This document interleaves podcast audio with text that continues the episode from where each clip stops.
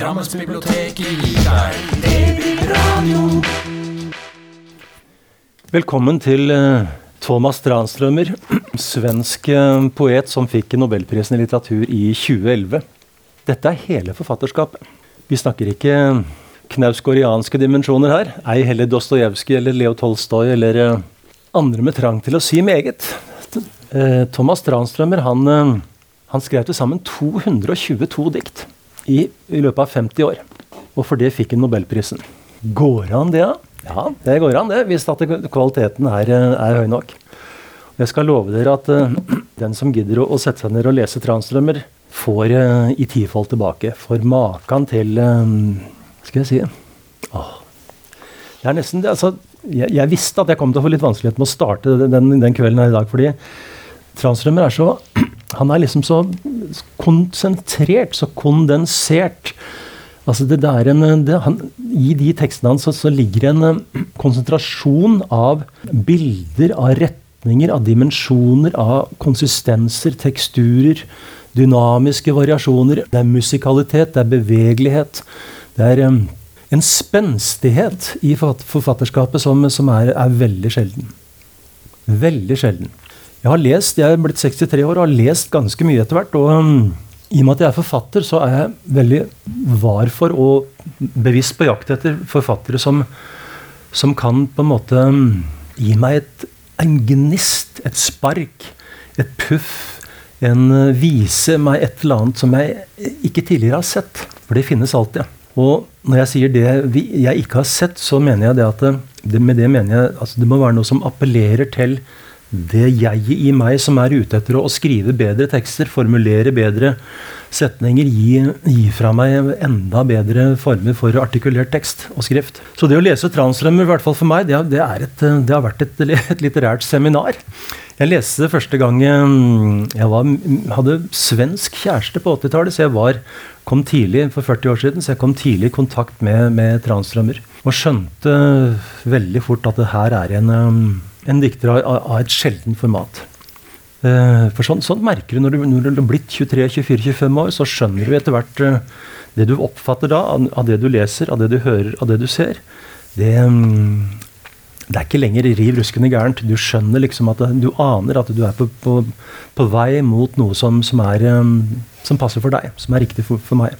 Og det, det har bare fortsatt. Så er det alltid sånn her i verden at det, det å lese, å lese bøker, det tar, eh, det tar tid.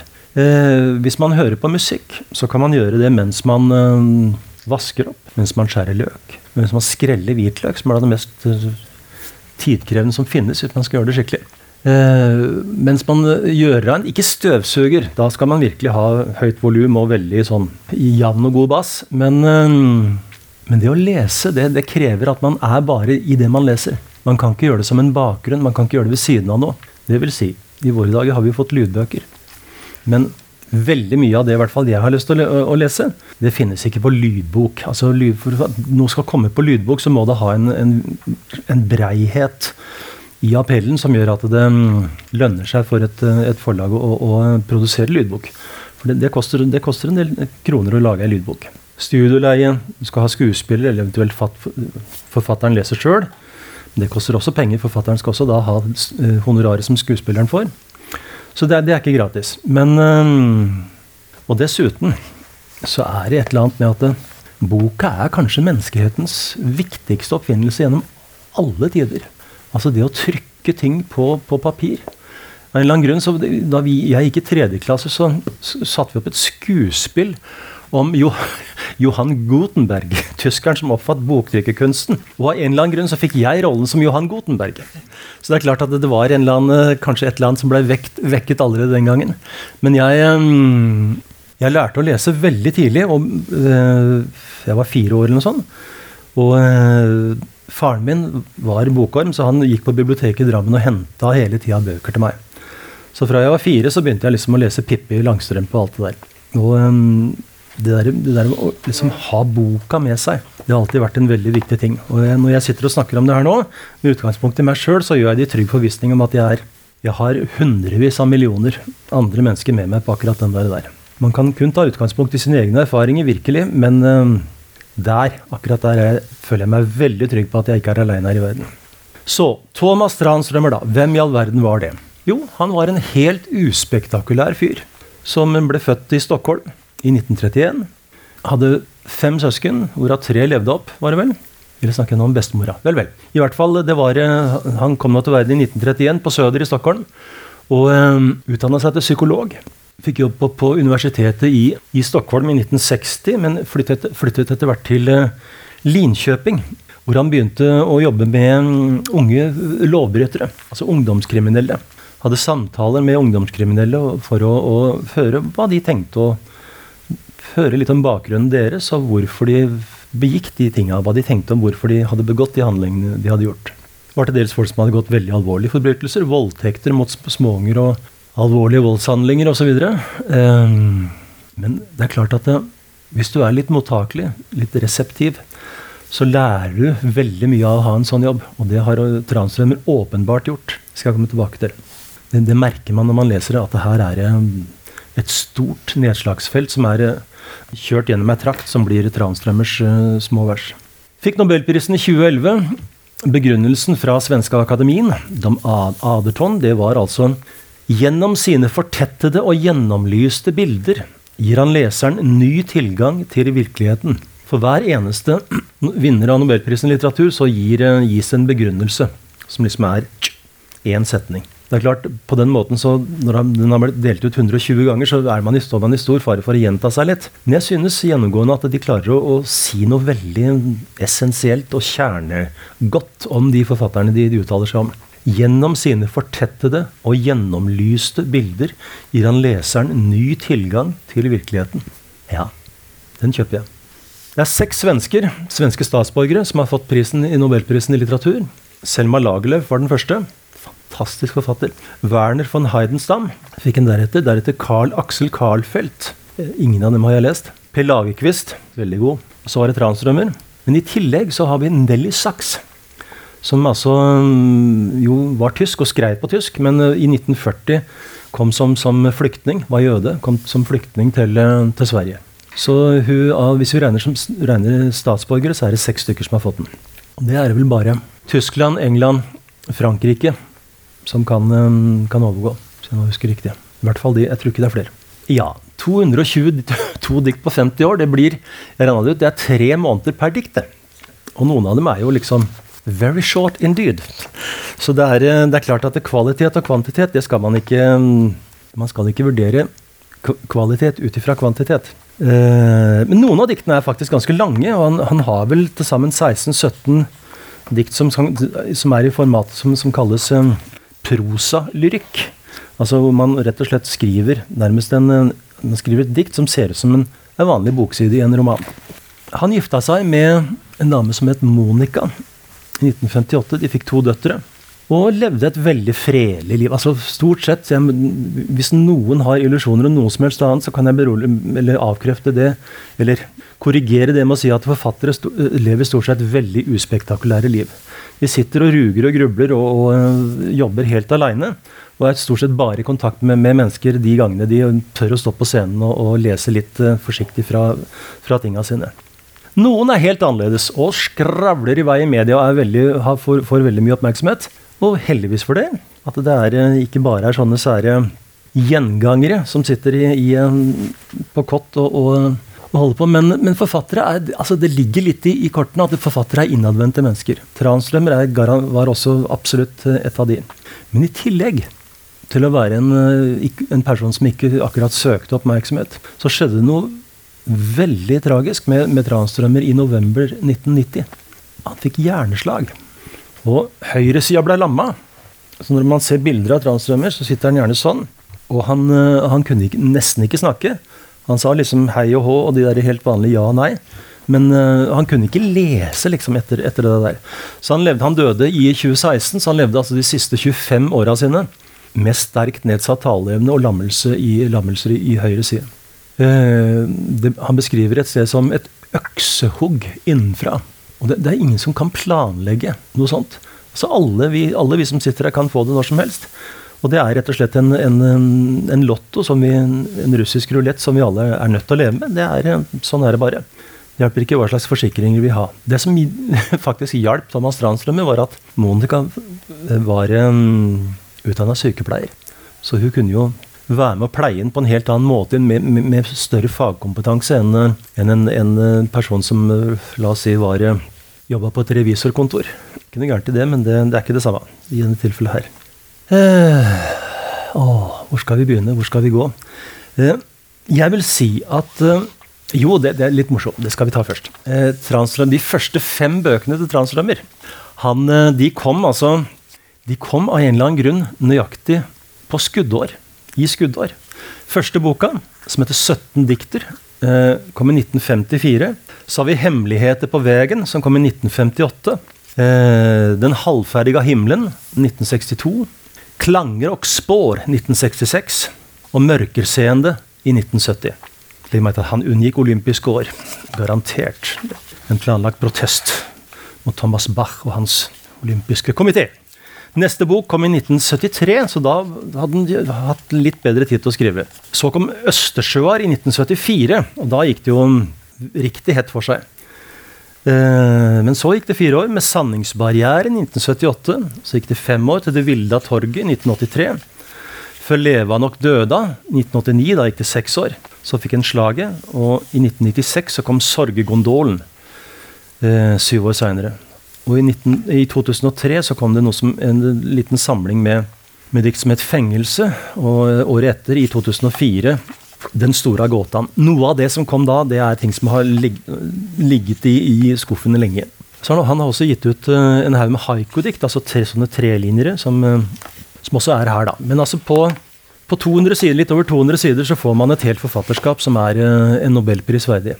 Jeg syns det er ganske fascinerende. Vanligvis liksom så har vi sånne bunker med i hvert fall jeg, når jeg skal forberede dette her. Sånne bunker med bøker liggende på, ved siden av, på gulvet ved siden av senga mi. Og eh, det var veldig sånn befriende liksom å ha ei bok til mannen som har alt. Sånn. Um, dikta til Transtrømmer. Jeg skal snart lese litt, så dere skjønner litt hva jeg driver og prater om her. Men jeg skal si én ting til først. Det er at uh, de, Transtrømmers dikt har på en eller annen måte så har de i en enda større grad enn mange andre poeter jeg har lest, på det nivået her, så har de en, en drømmeaktig kvalitet. Eh, som nesten kan grense til litt sånn rusgreie, uten at det liksom det, man, man, tenker at det er, sånn, det er ikke snakk om meskalin og LSD og sånne ting, men det er liksom så det er en sånn berusende følelse som, som man av og til kan ha når man, når man drømmer.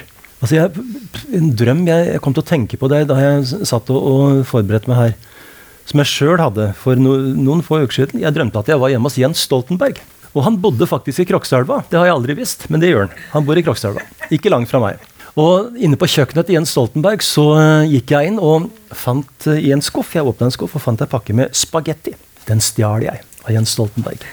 Så slutta drømmen, etter at jeg gikk ut. Da kan man si ja, he-he, morsomt det, men, men altså det er i en, sånn, I en sånn setning så er det noe annet som foregår, som er mye viktigere enn de der banale fakta fra, fra drømmen, som er morsomme i seg sjøl. Men det er noe annet som kommer i drømme. En sånn, liksom en sånn, det er en, en handling som er horisontal. Mann A kommer inn i, i um, huset til, til, mann B, som heter Jens Stoltenberg, og stjeler en pakke spagetti og går ut, går ut igjen. Men på den lille buen der så ligger en det ligger noe rundt der som er den vertikale kvaliteten. Og den vertikale kvaliteten, det er, liksom, det, er det, som forbinder som forbinder uh, ulike dimensjoner eller ulike energier, ulike nivåer av eksistens. Hvis jeg hadde tatt en, en penn og kjørt den gjennom et ark i boka her, og jeg bodde inni det arket her sånn, jeg var et, et vesen som bodde inni her. Inni her sånn så er det er en liten verden. Det jeg da ville ha sett, hadde jeg bare sett liksom en sånn stolpe som gikk gjennom, gjennom arket. Å ja, der kom det noe. Og da var den borte, ja. Det kom gjennom der. Og så gikk den opp sånn, og så forsvant den. Men den som står utenfor og drar den, den pennen gjennom eh, det arket, den vil ha en helt annen forståelse av dette her. ikke sant? Det blir som når vi ser ned på maur, eller når vi, eh, vi, altså vi som mennesker har et, eh, et, helt annet overblikk i forhold til, til dyr og insekter fisker som står under oss i, i eh, det eksistensielle hierarkiet. Men drømmene har den derre de har den derre rare klangen av noe annet. Og den klangen av noe annet er så utrolig rik. Det er mye rikere enn hverdagsopplevelsene vi, vi omgir oss med til daglig. Og jeg tror nok at mange forfattere er jeg tror ikke jeg tar feil hvis jeg sier at mange forfattere er ute etter å aktivere, aktivisere den dimensjonen i det de skriver. De vil ha, Hvis man skriver skjønnlitteratur, enten det er prosa eh, eller lyrikk, så vil man, eller prosa og lyrikk, som er en syntese, så vil man forsøke å liksom få i gang noe som på en måte er større enn bare det som den horisontale bevegelsen som er fortellingen. Da. Og det, det er i hvert fall det veldig mange poeter driver med. De vil liksom ha noe som For det er jo, det er jo veldig få ord. ikke sant? Det er, det er ikke mye som skjer. Og det, det, som skjer, er ofte veldig sammensatt, og man skjønner ikke helt Å, jøss, skjer Ja vel? Man, man, begriper liksom ikke helt. Jeg er veldig glad i å undervise unger i, i, i å skrive poesi. Har, poesikurs har jeg hatt i 15 år, eller mer enn det, 20 år, i, i ulike sammenhenger. Og favorittalderen min er tredje klasse. Åtteåringer. For de har kommet til et punkt hvor de kan begynne å sortere litt bilder, de kan begynne å skrive litt sjøl. Men samtidig så er de er ennå langt unna det, det, punktet hvor de begynner å bli redde for å kaste seg fram. Og de åtteåringene, når jeg kommer inn der og skal, skal undervise dem i poesi, så sier jeg bestandig Første spørsmålet jeg, jeg drar fram, er hva er forskjellen på en fortelling og et dikt? Og så er det noen som selvfølgelig rekker på han og sier at dikt rimer. Ja, ja det kan du gjøre, sier han. Det er mange dikt som rimer. Og så sier de at um, dikt er, er, mye kortere. Ja, veldig viktig, sa. Fortellinger, da har du lange greier. Og det er liksom det, en handling med en hovedperson og noen bipersoner og, og diverse greier. Problemer oppstår, og det må løses osv. Det som gjør at det blir spennende. Det blir, ja. Men så er det også, av og til så får jeg et svar som går med på at uh, dikt så kan man si ting som man ellers ikke sier. Og da kjenner jeg liksom Yes! Her skal vi ha to fine, en flott dobbelttime. For det er eh, Hvis det starter der, så eh, For det, det er barnets intuisjon. Det er jo litt av det vi har med i drømmen. ikke sant? Når vi ligger der og, og ett år, halvannet år og våkner og ser opp i, i, i taket i rommet der vi bor, så har vi kontakt med en verden som er så umiddelbar, så spontan, så intuitiv, så nær, så Eh, så, altså så formelig i forhold til det, det apparatet vi sjøl har. At vi, vi, er, vi, har, vi, har, ingen sperrer. Åtteåringer som sier at, at et dikt er da kan du si ting du liksom ikke kan si ellers, så har de jo helt rett i det. For det er jo det også voksne, voksne poeter driver med. Transtrømmer, nobelprisvinneren, han sier ting som han ellers ikke ville ha sagt dersom han hadde skrevet uh, prosa. For det prosa det fordrer liksom Det er hele setninger, ikke sant? Mens uh, poesi er, er, jo musikk. Poesi er musikk. Poesi er, er klanger som stables. Det er rytmikk som som uh, korrelerer og krakelerer. Det er teksturer av, av instrumenter og frekvenser ikke sant, som harmonerer og kolliderer og, og, og osv. Konsonerer og dissonerer. Så det er en um, Poesien ligger mye nærmere sangen, vil jeg si. Det har en um, det er, ikke, det er ikke vanskelig altså, Transtrømmer er ikke så enkel å sette, sette, sette melodi til og, og, og så videre, lage musikk av. For er han, er så, er variert. Han er liksom ikke Som en del andre poeter er. Men uh, det er mye, mye, friere. Det flyter liksom på en helt annen måte. Men allikevel så er det musikk. Og Transtrømer var jo musiker. Han var pianist. Han har til og med lagd, gjort, begått plateinnspillinger. Transtrømer var en god pianist. Og psykolog. Og i det hele tatt. Og familiefar. Og det var liksom det han var fornøyd med. Så skrev han et dikt hver tredje måned. Og der har vi meg.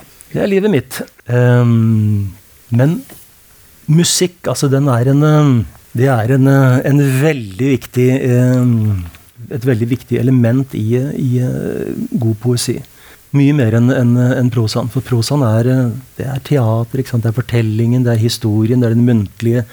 Det er liksom det vi sitter og snakker om når vi sitter foran peisen eller foran bålet. Hvis vi er så langt tilbake i tid. Han, selv om han ikke søkte oppmerksomhet, så søkte han i hvert fall inntrykk. Og i tillegg til å snakke med alle de her uh, ungdomsforbryterne som han drev og, og sjonglerte med til daglig, så reiste Tranströmer veldig mye. Han dro til um, Altså holdt seg i Europa og Nord-Afrika. Han, var han var på Island, han var i Finland, Nord-Norge. Han var i, i, Tyrkia, Hellas, Spania, Italia, eh, Portugal. Eh, På Balkan. Absolutt på Balkan. Og flere av diktene hans har, eh, kommer Du merker at det kommer, eh, det kommer bilder fra, fra reisende. Det, det, gjør det. Og så er det her han er så flink, da. Han, han setter han, Når leser, man leser Translummer, så merker man at det er en Altså, det er en Det er så, det er så helhetlig. Han eh, tar liksom Han veit, han skjønner og forstår at folk har en bakgrunn, at folk har en historie. At steder har en bakgrunn, at steder har en historie. Han kobler sammen historien. Han går stadig tilbake. liksom kommer det dateringer fra 1448.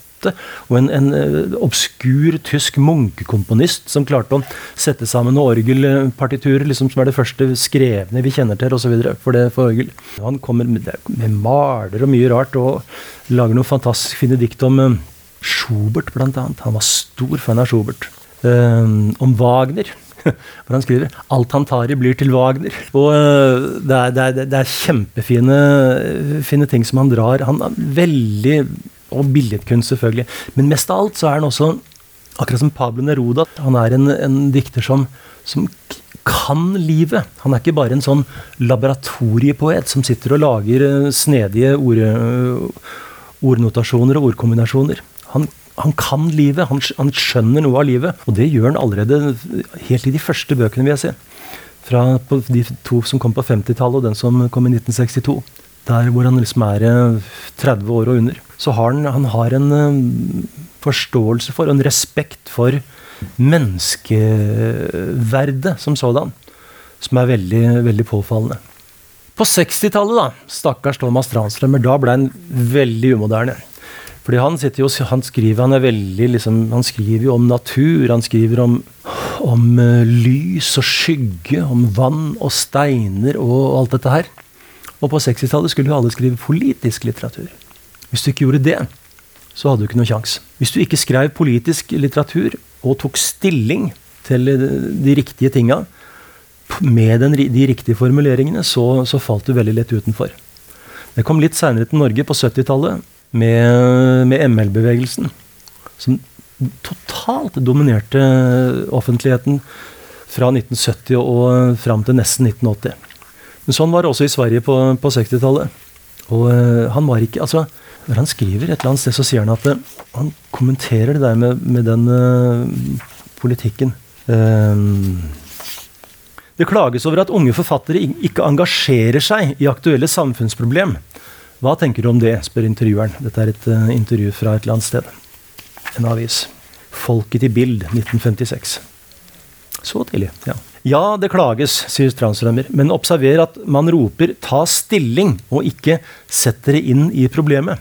Det man krever av forfatteren, uh, tycks svara i første hand, altså syns jeg først og fremst å være Eh, at man krever ekstreme standpunkter og, og fektende. Altså at de, ikke en virkelig konstruktiv interesse for saken. At man liksom kan flagge en, eh, en, en, en mening. Spørsmål, intervjuer. Visse kritikere har lagt merke til at det finnes et visst religiøst engasjement i dine dikt. Hva er din innstilling til Kirken? Jeg kjenner behov av en religiøs gemenskap, altså fellesskap av det slag som man får i en kyrka, men jeg støtes bort av den autoritære kristendomstypen som man vanligvis møter der. Intervjuer. Skulle du ville eller våge formulere din, din personlige gudstro? Så svarer han. Jeg overlater formuleringen til Simone Weil. Sitat. Jeg er fullkomment øh, bevisst på at det ikke finnes en gud i den meningen at jeg er at det ikke finnes en gud det, på, i, på, den måten at, uh, at det ikke, ikke, eksisterer noe som ligner det jeg kan forestille meg når jeg sier det ordet, det navnet.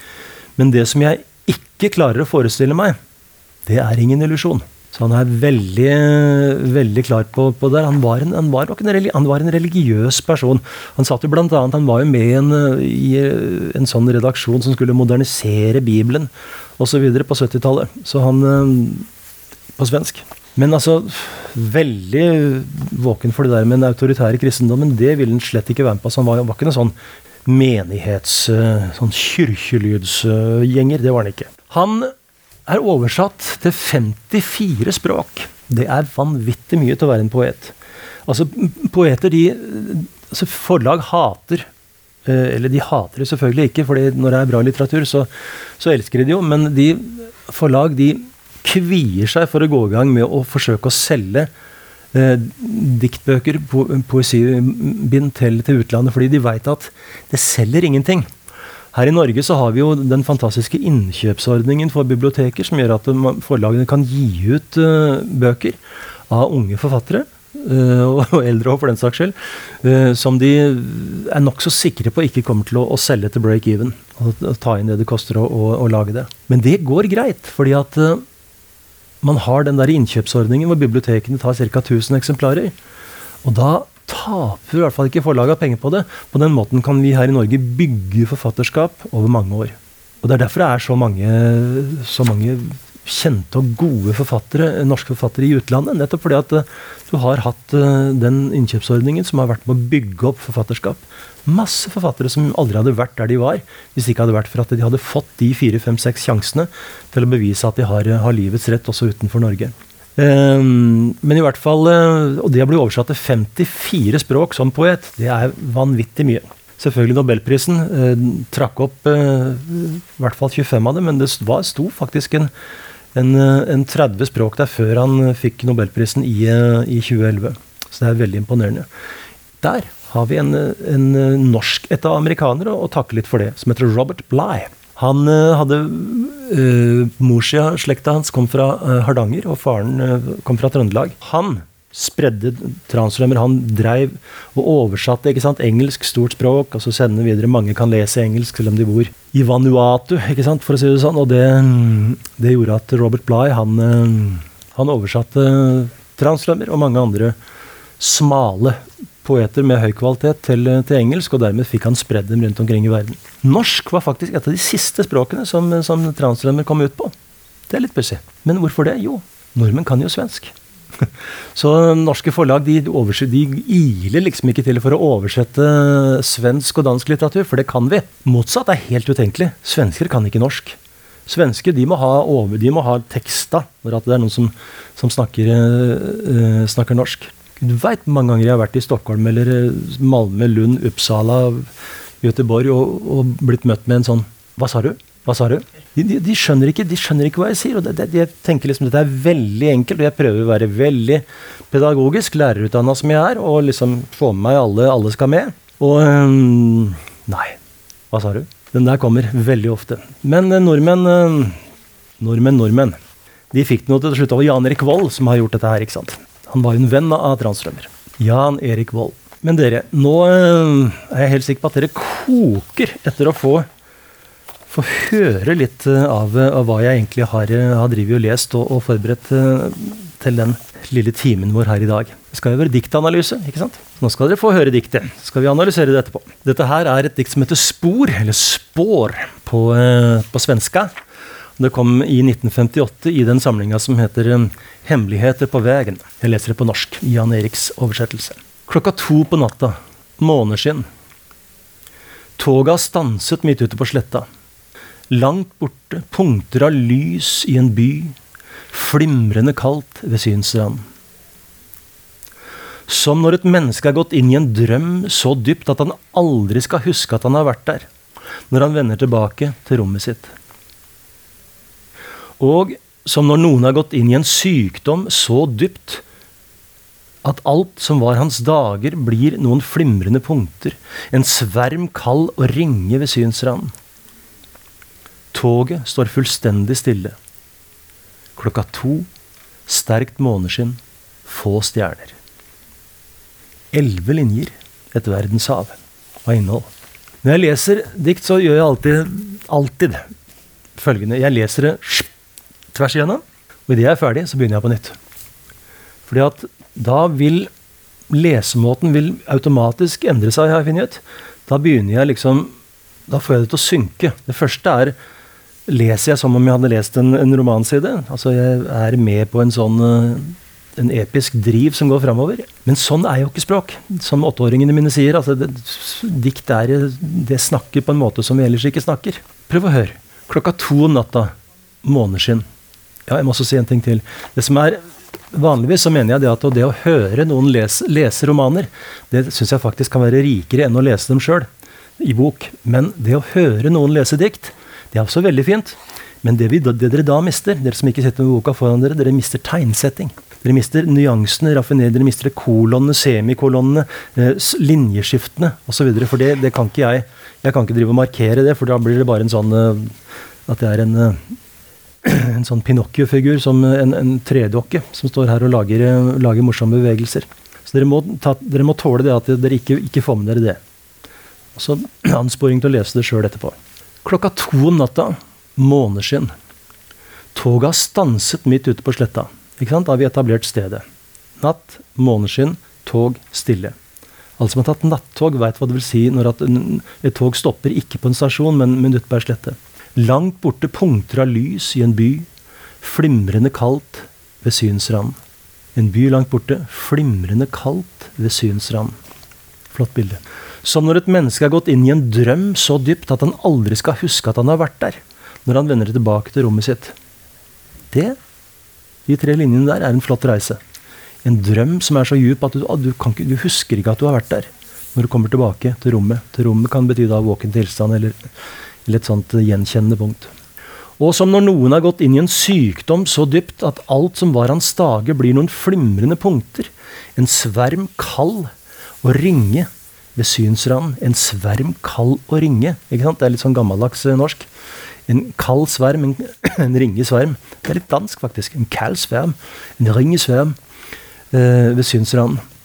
Altså det, det, det, det sier meg noe når jeg leser det, kjenner jeg. At det, jeg får en eller annen eh, jeg, jeg er ikke det samme mennesket som jeg var to sekunder før. Toget står fullstendig stille. Klokka to. Sterkt måneskinn. Få stjerner. Altså det, lille diktet der altså Jeg har nå som sagt lest 222, men dette her er av et av de aller fineste for meg. For det, det sier noe til som appellerer til meg. Måten det er skrevet på, bildene som brukes, kombinasjonen av dem. Det er musikk. Neste dikt jeg har plukka ut, er et som heter Paret. The Pair. The Par. Fra Den halvferdiga himmelen i 1962. De slukker lampen, og den hvite kuppelen skimrer. Et øyeblikk før den løser seg opp. Som en tablett i et glass mørke. Siden løftes, hotellets vegger stiger i himmelmørket. Kjærlighetens bevegelser har løyet, og de sover. Men deres hemmeligste tanker møtes som når to farger møtes og flyter i hverandre. På det våte vannfargepapiret til en skolegutt. Det er mørkt og stille, men byen har rykka nærmere i natt. Med slukkede ruter. Ikke lukkede, slukkede. Husene kom. De står i sammentrekt venting, helt nær. En folkemasse med uttrykksløse ansikter. Reisen fra samme bok. På undergrunnsstasjonen et mylder blant plakater i stirrende dødt lys. Toget kom og hentet ansikter og mapper. Mørket neste.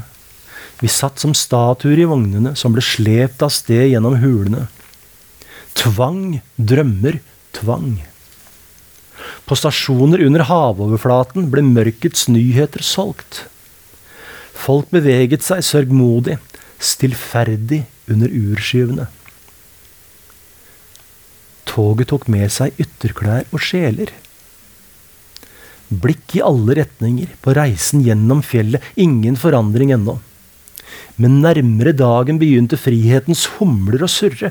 Vi steg opp av jorda. Landet slo med vingene i en gang og ble stille under oss, vidstrakt og grønt. Kornaks blåste innover perrongene. Endeholdeplassen! Jeg fulgte med bortenfor endeholdeplassen. Hvor mange var vi? Fire-fem? Knapt flere. Hus, veier, skyer, blå viker, åser åpnet sine vinduer.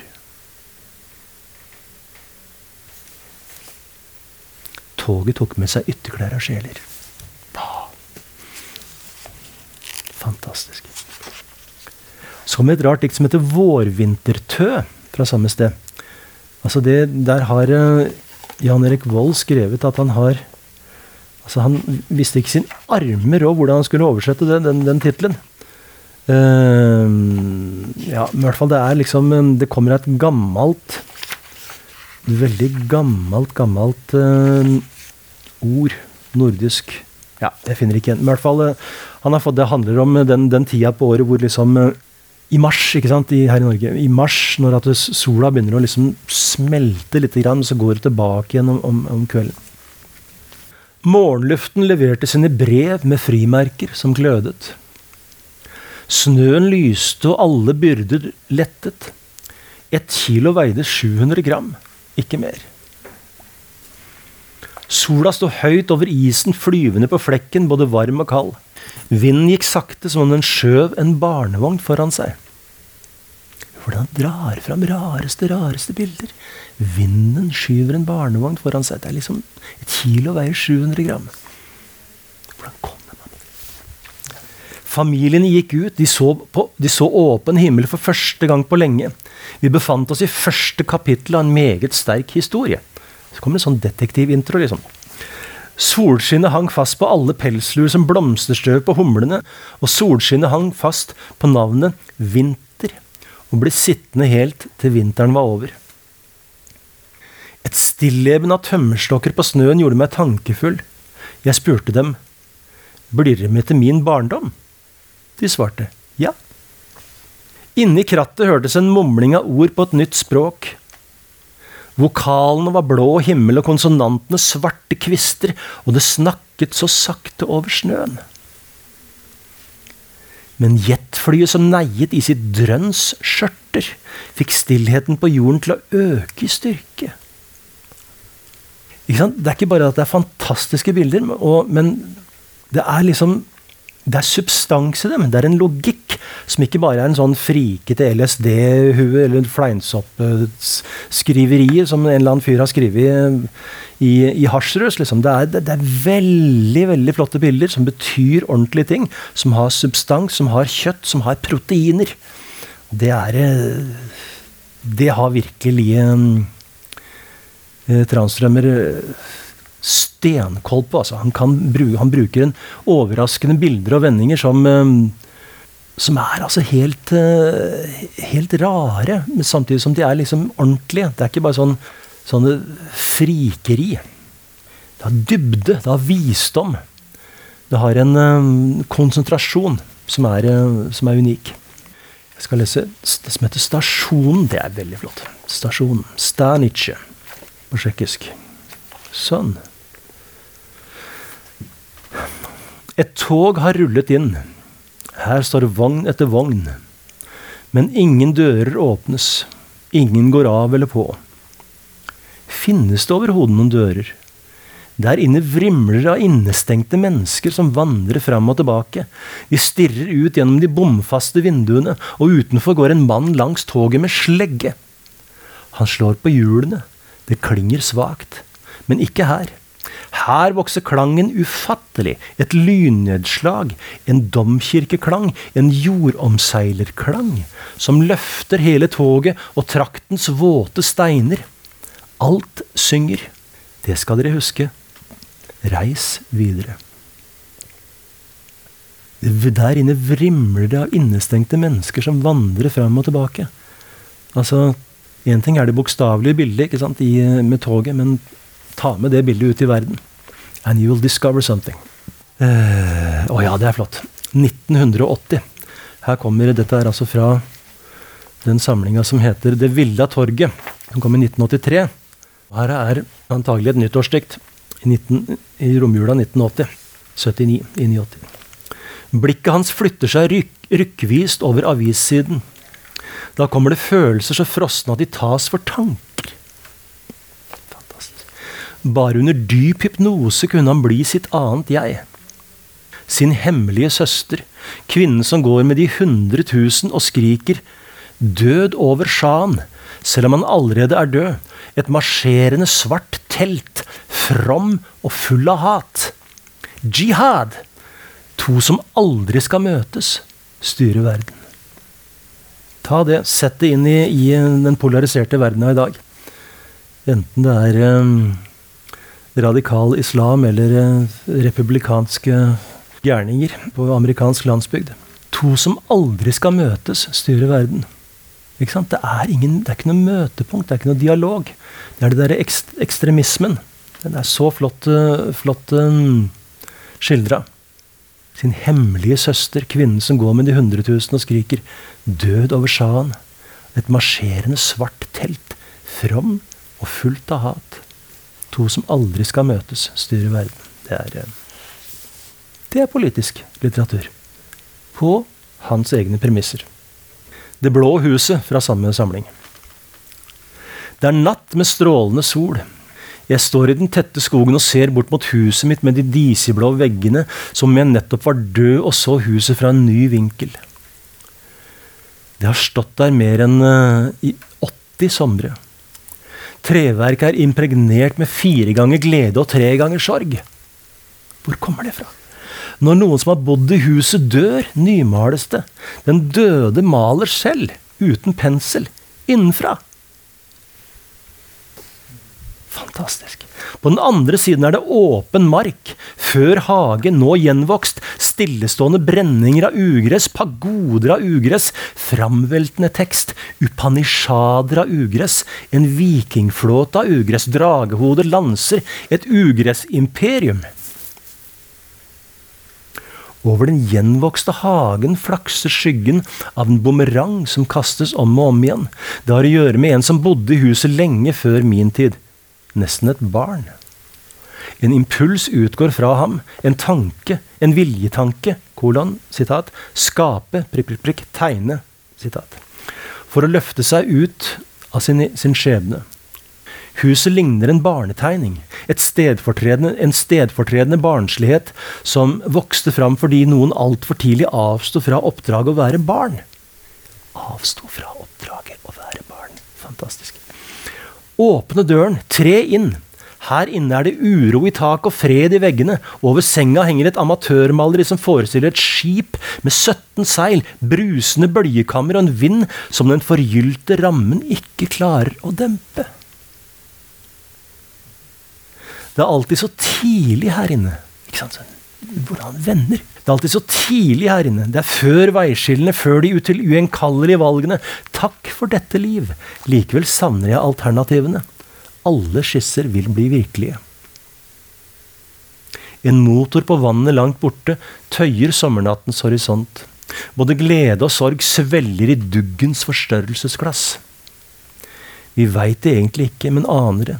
Det finnes et søsterskip til våre liv som går i en helt annen fart, mens solen gløder bak øyer og skjær. Svarte postkort. Almanakken fulltegnet. Fremtid uvis. Kabelen nynner tyst på en folkevise uten hjemland. Snøfall på blyhav. Skygger slåss ute på brygga. Midt i livet hender det døden kommer og tar mål av mennesker. Det besøket glemmes. Livet fortsetter. Men selve dressen sys i stillhet. Det er et ganske uhyggelig dikt. Postludium det er bare å Jeg har gjort noen notater her, men jeg ser at det er bare å lese, for det, det er det ene verre enn det andre. Postludium. Jeg sleper som en dregg langs verdens bunn. Alt jeg ikke behøver, blir sittende fast oppgitt indignasjon, glødende resignasjon. Bødlene henter stein. Gud skriver i sanda. Stille værelser. Møblene står uh, flyveferdig i måneskinnet. Jeg går sakte inn i meg selv, gjennom en skog av tomme rustninger. Nei, dette er fra 1983. Det Villa torget. Men klart, mye av det han skriver, er um, kan, le, kan, nesten leses som et slags sånn, et forvarsel til, eh, til den, eh, det som skjer. skal man ikke overfortolke og liksom tenke at ja, ja, ja, hva sa jeg, eller hva sa han? Men, uh, men det, er, um, det er en del ting der som, som faktisk kommer, kommer skremmende nær den, den der, altså. Åh, jeg ser at vi har, vi har, ikke så mye tid igjen. men Jeg er nødt til å lese det som heter 'Midtvinter'. Det er skrevet etter at han ble sjuk. 195. Det er fra den samlinga som kom i 1996, det. Som heter 'Sorgegondolen', altså sørgegondolen. Midtvinter. Midtvinter. Et blått skimmer strømmer ut av mine klær. Midtvinter. Klirrende tamburiner av is. Jeg lukker øynene. Det finnes en lydløs verden. Det finnes en glipe der døde smugles over grensen. Da avslutter vi med et langt dikt. Åpnings... Carillon skal jeg lese her. 157. Det er et ganske langt dikt som heter um, carillon, altså carillon med C. Fransk ord for uh, et sånt klokkespill. Hvor det er uh, tre oktaver Nei, to oktaver. To oktaver klokkespill. Kirkeklokker som, som uh, spilles på. Som, som, de svinger ikke, men de, du kan spille på det. Lurer på det heter Tubular Bells, faktisk, på engelsk. Var ikke det Mike Oldfield lagde sin plate etter en gang for 50 år siden? Madame forakter sine gjester fordi de vil bo på hennes sjuskete hotell. Jeg har bjør, jø, bjørneværelse Jeg har hjørneværelse i annen etasje, en ussel seng, en lyspære i taket. Merkelig nok tunge gardiner der en kvart million usynlige småkkryp promenerer. Utenfor driver en gågate forbi. Man blir misunnelig når man leser sånne ting. når man selv er forfatter. Utenfor driver en gågate forbi med langsomme turister, raske skolebarn, arbeidskledde menn som triller skramlende sykler. De som tror de får jorda til å snurre, og de som tror de hjelpeløst snurrer med i jordas grep. Ei gate der vi alle går. Hvor munner den ut? Rommets eneste vindu vender mot noe annet. Det ville torget. En mark som syder en stor skjelvende flate, iblant full av folk og iblant øde. Det jeg bærer på innabords, materialiseres der. All skrekk, alle forhåpninger, alt det utenkelige som likevel skal skje. Jeg har lave strender. Stiger døden to desimeter, oversvømmes jeg. Jeg er Maximilian. Året er 1488. Jeg holdes innesperret her i brugget. Fordi mine fiender er rådville, de er onde idealister, og alt jeg har gjort på pinselens bakgård, kan jeg ikke beskrive. Jeg kan ikke gjøre blod til blekk. Jeg er også mannen i overalt som leier sin skramlende sykkel nede på gata. Ikke sant? Han trekker han seg sjøl ut i den, det han akkurat har beskrevet. Jeg er også han som synes, turisten som går og stanser opp, går og stanser opp, og lar blikket vandre over de gamle malerienes månesvidde, bleke ansikter og bølgende tøyer. Månesvidd? Hvor kommer sånne ord fra? Ingen bestemmer hvor jeg skal gå, aller minst jeg selv. Likevel er hvert skritt som det må være. Å gå omkring i de fossile krigene der alle er usårlige, fordi alle er døde. Trærne støvete løvheng, murene med sine glugger, hagestien der forsteina tårer knastrer under hælene. Forsteina tårer. Uventa som om jeg hadde gått på en snubletråd, begynner klokkespillet i det anonyme tårnet. Carillon, carillon, sekken revner i sømmene og tonene triller utover Flandern. Carillon, klokkenes kurrende jern, salme og slager på samme gang, skjelvende skrevet i luften. Den skjelvhendte doktoren skrev ut en resept ingen kan tyde, men håndskriften er kjent. Over tak og torg, gress og grøde klinger klokkene mot levende og døde. Vanskelig å skjelne mellom Krist og Antikrist. Klokkenes klang flyr oss hjem til sist. De har stilnet. Jeg er tilbake på hotellrommet. Sengen, lyspæra, gardinene. Det høres merkelige lyder her. Kjelleren sleper seg oppover trappene. Jeg ligger på senga med armene utstrakt. Jeg er et anker som har gravd seg godt ned og holder fast den veldige skyggen som flyter der oppe. Den store ukjente jeg er en del av, og som sikkert er viktigere enn jeg. Utenfor driver gågaten forbi, gaten der mine skritt dør ut, og det skrevne likeså. Mitt, for, mitt forord til stillheten. Min vrangvendte salme. Lån, kjøpen, skaff dere den. Det er, altså, Jeg kan garantere dere leseropplevere som dere, dere knapt har hatt maken til. Det er så rikt. Uansett hvor vi blar opp i den boka, her, sånn, så, så, dukker det opp linjer og tekster og bilder og stablinger og, og, synteser og antiteser som bare liksom blåser gjennom verden. Det er musikk. Rett og slett. Det er musikk. Det er bokstaver. og ord transformert til musikk. Det har all den dynamikken og melodiføringa og kontrapunktikken og, og soundet og, og atmosfære, intensitet, presens, stemning du kan tenke deg og ønske deg. Men jeg pleier å si, enten i starten eller i, ved slutten av de nobelkveldene som vi har her på Drammen at livet er ikke uendelig. Hvis man leser én skjønnlitterær bok i uka, så rekker man 50 bøker i året. På ti år blir det 500 bøker. Det kan høres rikelig ut, men jeg ville ikke tatt sjansen på at vi, at vi, rekker 500 bøker til. Skal dere ha, lese noe i, i det nærmeste året, så vil jeg veldig sterkt anbefale ta med dere Transtrømmer. Det, er, det får plass i de aller fleste reisevesker. Og jeg tror ikke du må betale åtte euro ekstra i, i, i bagasjeavgift på Norwegian du tar, hvis du skal ha den med deg på flyet til, øh, til Alicante. Takk for i dag. På gjensyn.